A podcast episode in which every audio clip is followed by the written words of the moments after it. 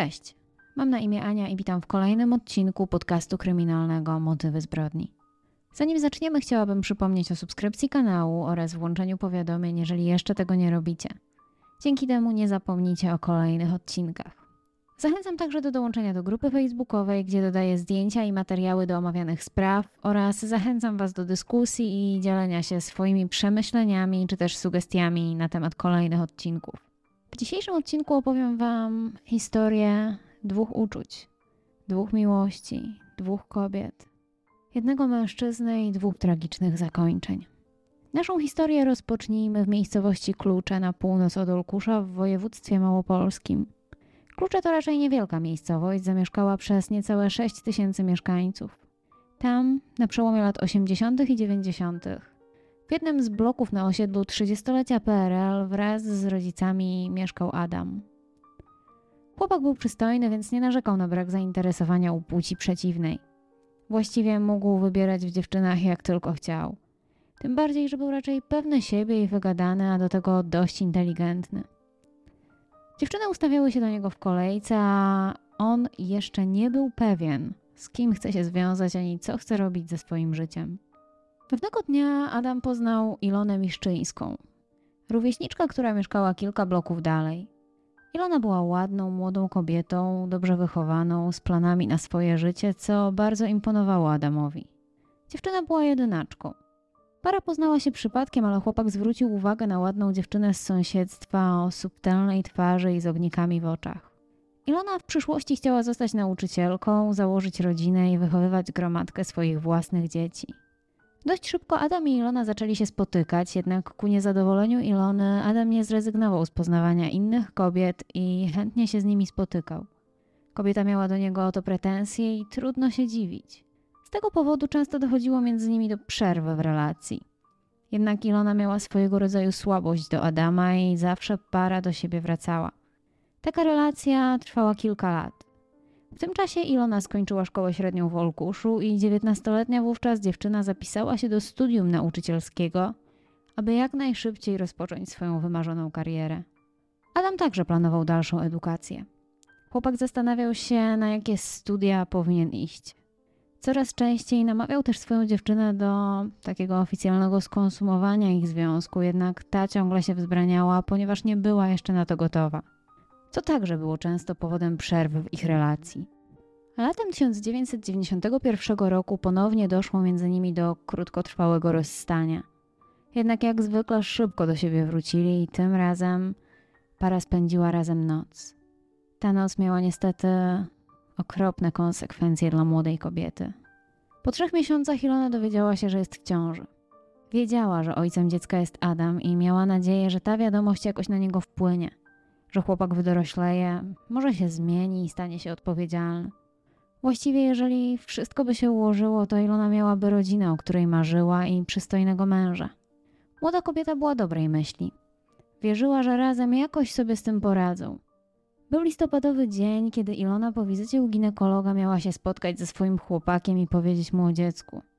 Po tym spotkaniu była też umówiona na imprezę ze swoimi znajomymi.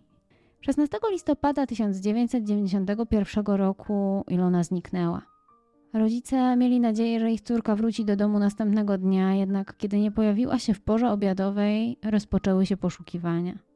Oczywiście pierwszą osobą, której przyjrzała się policja, był Adam chłopak, z którym Ilona od jakiegoś czasu się spotykała. Szybko wyszło na jaw, że dziewczyna była z nim w ciąży. Adam jednak twierdził, że nie spotkał się wtedy z Iloną, jednak jak się okaże ponad 20 lat później, kłamał. Poszukiwania Ilony skończyły się dość szybko. Po dwóch dniach odnaleziono ciało młodej kobiety. W czasie, kiedy rodzice Ilony szukali córki, pytali znajomych i chodzili po całej miejscowości, ojciec dziewczyny zauważył pracowników oczyszczalni pochylonych nad jedną ze studzienek ściekowych. Podszedł do nich, bo chciał im pomóc. Pracował kiedyś w straży przemysłowej i znał tych mężczyzn. Jednak kiedy zbliżył się do nich, zauważył, że ze studzienki wyciągnięto ciało kobiety. To była jego córka. Adam został poddany badaniu wariografem i wiele wskazywało na to, że to on może być głównym podejrzanym. Ale nie pasowało policji to, że chłopak tak łatwo zgodził się na to badanie na wykrywaczu kłamstw. Samo badanie także świadczyło o tym, że Adam może mieć coś na sumieniu. Niestety, nie było przeciwko niemu żadnych konkretnych dowodów. 1992 roku śledztwo w sprawie zabójstwa Ilony umorzono, a Adam podjął decyzję o wyprowadzce z niewielkiej miejscowości, gdzie wciąż rozmawiało się o tragicznej zbrodni. Adam wyjechał na Śląsk i rozpoczął studia na Uniwersytecie Śląskim na Wydziale Ochrony Środowiska. W tym czasie w jego rodzinie nie działo się najlepiej. Jego rodzice właśnie się rozwodzili, a matka planowała wyjazd na stałe do Stanów Zjednoczonych. Biorąc pod uwagę, że był elokwentny, przystojny i szarmancki, nie miał problemu z samotnością i wyraźnie mu to schlebiało. Na studiach Adam poznał młodszą od siebie o kilka lat Alicję Cesarz. Oboje studiowali wtedy geografię i bardzo szybko się zaprzyjaźnili. Mieli takie same zainteresowania. Oboje lubili góry i dalekie podróże. Alicja miała wrażenie, że znalazła bratnią duszę i dość szybko przyjaźń przerodziła się w miłość. Alicja była szczęśliwa i wierzyła, że poznała idealnego mężczyznę. Do tego miał w sobie to coś, co sprawiało, że wszystkie kobiety do niego lgnęły. Kobieta pochodziła z dobrze sytuowanej rodziny. Ojciec Alicji był prawnikiem i posiadał własną kancelarię, natomiast mama kobiety była naczelnikiem Urzędu Miejskiego na Górnym Śląsku. Alicja nie miała rodzeństwa i była oczkiem w głowie swojego taty i mamy i robili wszystko, aby ich córka była szczęśliwa. W 2000 roku para wzięła ślub i na początku zamieszkali w domu rodziców Alicji, jednak zaraz potem młodzi otrzymali mieszkanie po dziadkach Alicji w Chorzowie przy ulicy Opolskiej. Po ślubie Alicja znalazła pracę w szkole jako nauczycielka geografii, natomiast Adam swoich studiów nie skończył, ale dzięki pomocy teściowej otrzymał posadę kierownika strategicznego wydziału w Urzędzie Miasta w Świętochłowicach, dzięki czemu także mógł nieźle zarabiać. Na początku życie tej dwójki było usłane różami. Jeździli w dalekie podróże, na przykład do Ekwadoru, Egiptu czy Turcji. Dodatkowo młode małżeństwo mogło bez umiaru korzystać z domu rodziców Alicji w Zakopanem. Adam jeździł nowym samochodem i mieszkał w ładnym mieszkaniu. I większość tych rzeczy na koszt teściów, którzy dbali o to, aby ich córka była szczęśliwa. Jednak w pewnym momencie okazało się, że życie we dwójkę to nie jest to, czego pragnie Alicja. Kobieta bardzo chciała mieć dziecko. Jednak starania o potomka nie przynosiły efektu, aż w pewnym momencie okazało się, że ostatnim możliwym rozwiązaniem jest zabieg in vitro. Mimo trzech prób z tą metodą, efektów nadal nie było. Alicja była zrozpaczona i przechodziła naprawdę trudny moment w swoim życiu. Kobieta miała stany depresyjne i bardzo potrzebowała wsparcia. Jej rodzice się nią martwili i próbowali pomóc córce jak tylko mogli. Niestety w relacji z mężem także zaczęło się psuć. Adam zaczął wracać do domu coraz później, prowokował kłótnie o drobiazgi, a nawet urlopy wolał spędzać bez swojej żony. Być może nie zależało mu tak bardzo na dziecku, być może nie wiedział przez co przechodzi Alicja, a być może nie chciał wiedzieć. Ewidentnie ich związek przechodził głęboki kryzys. Pewnego dnia Adam spieszył się do pracy i nie zamknął swojego laptopa, zostawiając go na biurku czy też na stoliku. Alicja natomiast miała jeszcze chwilę, ponieważ tego dnia zaczynała lekcję trochę później. Kobieta mimochodem zerknęła na włączony komputer swojego męża i wtedy odkryła coś, co miało zakończyć ich małżeństwo. Alicja, widząc rozmowę Adama, uświadomiła sobie, że mąż ją zdradza z jakąś Anną. Adam rozmawiał z Anną za pomocą komunikatora gadu-gadu, a ich rozmowy były pełne intymnych szczegółów. Planowali także wyjazd za granicę, kiedy tylko Adam rozwiąże swoje problemy, cokolwiek miało to znaczyć. Alicja zauważa tam też wzmiankę na temat tego, że seks z żoną go brzydzi, natomiast zbliżenia z kochanką są super. Zrozpaczona kobieta wzięła laptopa męża i udała się do swojej mamy. Kobietom szybko udaje się ustalić, że Adam spotyka się z kobietą, która także pracuje w tym samym urzędzie miasta jako stażystka. Anna była młodą psycholożką, a jej relacja z Adamem ciągnęła się od jakiegoś czasu. Alicja wróciła do mieszkania i doszło między nią i jej mężem do awantury. Zdradzona i zrozpaczona trzydziestolatka zaczęła się pakować i udała się do domu swoich rodziców. Nie miała ochoty przebywać z mężem w tym samym mieszkaniu ani chwili dłużej.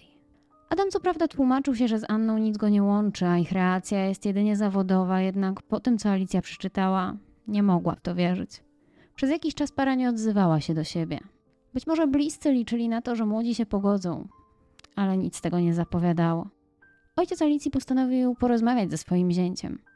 Mężczyzna udał się do mieszkania, w którym jego córka i Adam mieszkali. Ojciec Alicji był bardzo poruszony krzywdą, jaka spotkała jego córkę, i rozmowa z Adamem właściwie rozpoczęła się od wyrzutów i żalu, jaki mężczyzna do niego żywił. Mówił o tym, że gdyby nie rodzina Alicji, to Adam nie miałby niczego, że to dzięki nim ma pracę, że to dzięki nim jeździ na wakacje, czy nawet mieszka w tym mieszkaniu. Dodatkowo Adam miał przejąć kancelarię po swoim teściu, który nawet załatwił mu studia prawnicze, aby było to możliwe. Pan Zenon wyrzucał Adamowi także, że nigdy nie potrafił być mężczyzną i zachowywać się jak mężczyzna. Nie wspierał Alicji, kiedy ta najbardziej tego potrzebowała. Adam powiedział tylko, że nie zdradził swojej żony oraz że wyprowadza się z mieszkania. Pan Zenon z poczuciem klęski opuścił mieszkanie swojej córki. Jedyne, co mu wtedy zostało, to przygotować Alicji pozew o rozwód z winy męża. W życiu Alicji rozpoczął się trudny czas. Zdradzona, z poczuciem przegranej, kobieta nie była w stanie pójść dalej. Wciąż żywiła nienawiść do kochanki swojego męża. Anna od razu została zwolniona ze swojego stażu, jednak Alicji to nie wystarczyło. Zaczęła nękać kobieta, psuć jej reputację w nowym miejscu pracy, a nawet kiedy dowiedziała się, że Anna i Adam razem zamieszkali, to wysłała im bukiet zwiędłych kwiatów. W międzyczasie Alicja wniosła pozew o rozwód. Czekała ich sprawa rozwodowa oraz podział majątku. Adam jednak nie chciał tak łatwo się poddać i zdecydowanie nie miał zamiaru przyznać się do winy, bo to wiązałoby się z utratą jakiegokolwiek udziału we wspólnym majątku, a przynajmniej ze zmniejszeniem jego wartości. A tego Adam nie chciał. Sprawa rozwodowa rozpoczęła się jakieś półtora roku później. Emocje między Alicją i jej mężem opadły. Kobieta stała się raczej obojętna i skupiała się na tym, aby stanąć na nogi. Czasami nawet widywała Adama, kiedy przekazywali sobie książeczkę opłat czynszowych za ich jeszcze wspólne mieszkanie. Kiedy nadszedł dzień rozprawy sądowej, Alicja przeżyła szok, którego absolutnie się nie spodziewała. Adam w czasie rozprawy stwierdził, że wszystko wygląda inaczej niż myślała Alicja i nie zdradził swojej żony. A jego rzekoma kochanka może to potwierdzić. Co też wtedy Anna robi? Alicja krzyczy, że to kłamstwo. Ma rację i dowody na to, że Adam ją zdradził. Małżeństwo Alicji i Adama kończy się rozwodem z wyłącznej winy Adama, a w związku ze złą kondycją psychiczną Alicji sąd przyznaje jej alimenty w wysokości 300 zł miesięcznie. Parę czeka już tylko podział majątku. Adamowi wydawało się, że Alicja z jakiegoś powodu chce utrzymywać z nim przyjazne relacje, jednak ze strony Alicji nic takiego nie miało miejsca. Adam był jej zupełnie obojętny, ale wciąż mieli wspólną nieruchomość, więc siłą rzeczy musieli załatwiać wspólne sprawy. Alicja zaczęła też układać sobie życie. Zapisała się na kurs prowadzenia biznesu, poznała nowych ludzi. Powoli było widać, że zaczyna sobie radzić z tym, co ją spotkało i widzi nową nadzieję. Miała też w planach podróż do Australii i Nowej Zelandii. Starała się żyć przyszłością, zamiast skupiać się na nienawiści w stosunku do swojego byłego męża i jego kochanki. Wraz z rodziną Alicja rozważa także przeprowadzkę do Zakopanego, zwłaszcza, że jej rodzice powoli mogą myśleć o przejściu na emeryturę. Inaczej życie wygląda natomiast u Adama. Mimo iż nie został zwolniony ze swojej posady, to nie czuł się tam już tak pewnie jak kiedyś. Ponieważ kiedy teść tego nie pilnował, a w perspektywie nie było opcji z przejęciem kancelarii prawnej, Adam rzucił studia. Nie miał też parasola ochronnego w postaci byłej teściowej, a obecna posada także wymagała wyższego wykształcenia. Dodatkowo jego młoda partnerka chciała wiedzieć, na czym stoi i pewnego dnia postanowiła zapytać, co będzie między nimi dalej. Dochodziło między nimi coraz częściej do sprzeczek i ich wspólna przyszłość nie była już tak różowa. Adam tylko odpowiedział tajemniczo, że okaże się w środę. Ania miała nadzieję, że to oznacza coś pozytywnego, może nawet oświadczyny, zwłaszcza, że Adam jest już rozwiedziony. Zakreśliła nawet w kalendarzu datę 21 listopada 2007 roku, licząc na to, że to będzie szczęśliwy dzień. Ale kiedy ten dzień nadszedł, nic takiego nie miało miejsca. Adam nie wspomniał o niczym, co mogłoby zwiastować zaręczyny. Zapytał ją za to, gdzie można kupić eter, bo chciał wyczyścić swój komputer. 22 listopada 2007 roku Alicja miała mieć egzamin, który miał być takim jakby uwieńczeniem kursu biznesowego, na który w ostatnim czasie uczęszczała. Kobieta pilnie się do niego przygotowywała, a dwa dni później miała wyjeżdżać w podróż. Od jakiegoś czasu jej relacja z Adamem także się ociepliła. Można odnieść wrażenie w SMS-ach, które między sobą wymieniali, że jest tam nawet odrobina flirtu. 19 listopada Alicja wysyła Adamowi SMS-a o następującej treści. Witaj, przystojniaku. Mam nadzieję, że mój dzień będzie fantastyczny. A twój? Tego dnia Alicja miała wnieść wniosek o podział majątku. Powiedziała rodzicom, że między nią i Adamem doszło do trudnej rozmowy. Mężczyzna liczył na 180 tysięcy złotych za połowę mieszkania oraz równowartość połowy wyposażenia willi w Zakopanem. Natomiast ona wyceniła jego wkład w ich wspólny majątek na lekko ponad 7 tysięcy złotych, czyli połowę kwoty, jaką zapłacili za nabycie praw własnościowych do mieszkania, które Alicja odziedziczyła po babci. Ojciec oczywiście przyznał rację swojej córce. W kolejnych dniach Adam zaplanował sobie kilka dni urlopu, od 21 do 23 listopada. Mógł wykorzystać te dni, ponieważ miał zrobione nadgodziny. Anna chciała, aby razem spędzili ten czas, jednak Adam nie chciał przesunąć swojego urlopu, mimo iż obiecywał, że tak zrobi. 21 listopada Anna była w pracy i poprosiła Adama, aby ją odebrał, ponieważ wieczorem mieli spędzić wieczór u jej ojca, oglądając razem mecz piłki nożnej. Jednak okazało się, że Adam po nią nie przyjechał. O 20 napisał jej, że miał awarię samochodu i powinna wziąć taksówkę. Tego dnia Alicja była na zajęciach z kursu. To były jej ostatnie zajęcia. Podobno około 10.14 odbyła rozmowę telefoniczną z byłym mężem. Następnie miała pojechać do mieszkania, by zawieźć tam boiler, a o 15 wróciła do domu swoich rodziców na obiad. Około 17 Alicja zamówiła taksówkę i wyszła z domu. Powiedziała swoim rodzicom, że idzie spotkać się ze znajomymi w pubie i prawdopodobnie wypije lampkę wina. Matka powiedziała tylko, aby córka się nie zasiedziała, bo przecież następnego dnia ma wyjazd albo egzamin. Była trochę zdziwiona, bo Alicja, która bardzo dbała o wygląd, na spotkanie ze znajomymi ubrała zwykłe dżinsy i różowy pullover. Nie zrobiła też żadnego makijażu. Był to ostatni moment, kiedy rodzice widzieli swoją córkę. Jak się później okazało, taksówka odwiozła Alicję pod blok, gdzie znajdowało się mieszkanie jej i jej męża. Taksówkarz był ostatnią osobą, która widziała Alicję całą i zdrową. I było to o godzinie 16.59. Telefon kobiety przestał łączyć się z siecią około godziny 17.30. Z billingów sprawdzonych później przez policję wynikało, że w tamtej okolicy był także Adam. Alicja nie wróciła do domu na noc, co zdziwiło jej rodziców, zwłaszcza, że następnego dnia miała mieć ten egzamin i czekała też ją podróż. Nie byli w stanie się do niej dodzwonić dzień później, nie przyszła też do domu, ponieważ po ich powrocie z pracy jej notatki leżały w domu tak, jak je zostawiła. Mama Alicji skontaktowała się ze znajomymi córki z kursu i okazało się, że nie mieli oni poprzedniego dnia żadnego grupowego spotkania w barze. Rodzice się poważnie zmartwili i postanowili szukać córki po szpitalach i komisariatach policji. Szukali też po barach i restauracjach, pytając, czy ktoś widział Alicję poprzedniego dnia. Sprawdzili także mieszkanie w Chorzowie, licząc na to, że Alicja może poczuła się gorzej i zemdlała. W bloku był akurat remont i sąsiad wspiął się po rusztowaniu, aby sprawdzić, czy kobiety nie ma w środku, a inna sąsiadka zaproponowała, że zadzwoni do Adama, bo może on coś wie. Adam był zaskoczony i powiedział, że nie widział Alicji od trzech dni. Wstępne poszukiwania nie przyniosły żadnego rezultatu. Dlatego rodzice Alicji zgłosili sprawę na policję. Ojciec kobiety wynajął też detektywa, który miał pomóc mu w odnalezieniu córki. Adam również próbował angażować się w poszukiwania żony. Na początku dzwonił do ojca Alicji, pytał go o postępy w poszukiwaniach, pytał jak może pomóc, a nawet sugerował, że Alicja mogła zostać porwana i być może ktoś się odezwie po okup.